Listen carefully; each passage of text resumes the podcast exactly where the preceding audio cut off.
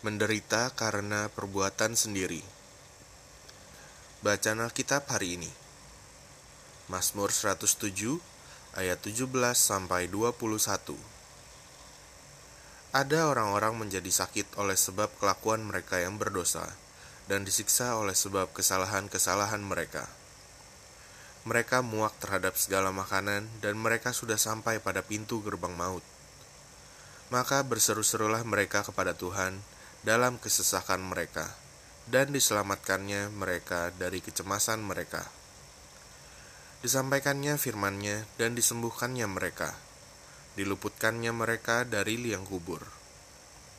Biarlah mereka bersyukur kepada Tuhan karena kasih setianya, karena perbuatan-perbuatannya yang ajaib terhadap anak-anak manusia.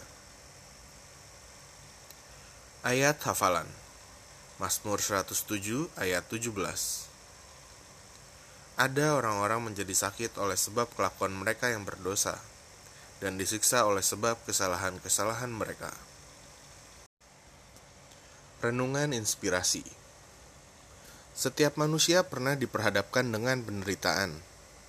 Ada penderitaan yang Tuhan izinkan terjadi untuk memurnikan kita.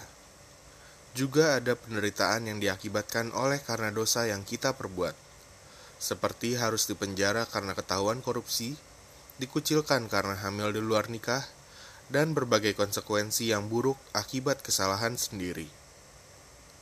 Keadaan ini merupakan sesuatu yang wajar. Alkitab sendiri memberitahu bahwa ada orang-orang menjadi sakit oleh karena kelakuan mereka yang berdosa dan disiksa oleh sebab kesalahan-kesalahan mereka. Hal ini seharusnya cukup mengajar kita untuk mawas diri dengan dosa. Dosa selalu beriringan dengan penderitaan. Setiap kita tentu tak bisa mundur dan mengubah masa lalu, di mana kita telah membuat kesalahan. Tetapi syukur karena Tuhan memberi pengharapan, termasuk bagi tiap orang yang telah mengacaukan hidupnya sendiri karena dosa. Firman-Nya, di manakah ada Allah seperti engkau yang mengampunkan dosa-dosa orang yang tersisa dari antara umatnya? Engkau tidak terus-menerus murka terhadap umatmu, karena engkau suka berbelas kasihan. Mika 7 ayat 18 Melalui pengampunannya, setiap kita bisa mulai hidup baru dan meninggalkan masa lalu. Kasihnya mampu menjangkau setiap kita yang telah melukai hatinya sekalipun. Meski demikian, setelah menerima pengampunannya, konsekuensi adalah bagian yang tidak bisa kita tolak. Konsekuensi yang tentu saja mendatangkan rasa sakit harus dihadapi. Seperti yang disampaikan oleh Mark Manson dalam bukunya, The Subtle Art of Not Giving a Fuck. Bahwa kita perlu menjadikan rasa sakit sebagai teman kita. Dalam artian, kita perlu belajar bagaimana memiliki masalah yang baik. Kita bisa memutuskan untuk belajar dari kesalahan tersebut menghargai pengalaman tersebut. Melalui rasa sakit akan kesalahan, kita didorong untuk menjadi pribadi yang lebih baik, sehingga ke depannya kita tak lagi jatuh di lubang kesalahan yang sama.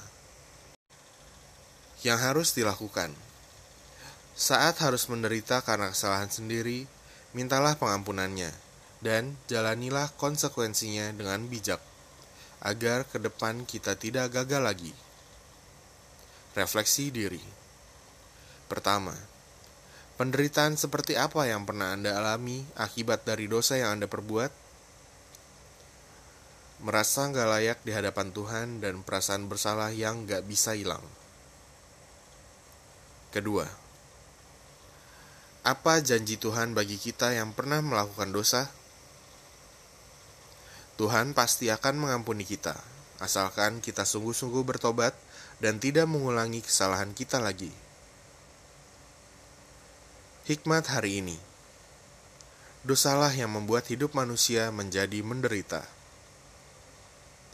Pokok doa Bapa di sorga, ampuni aku kalau telah melukai hatimu dengan kesalahanku.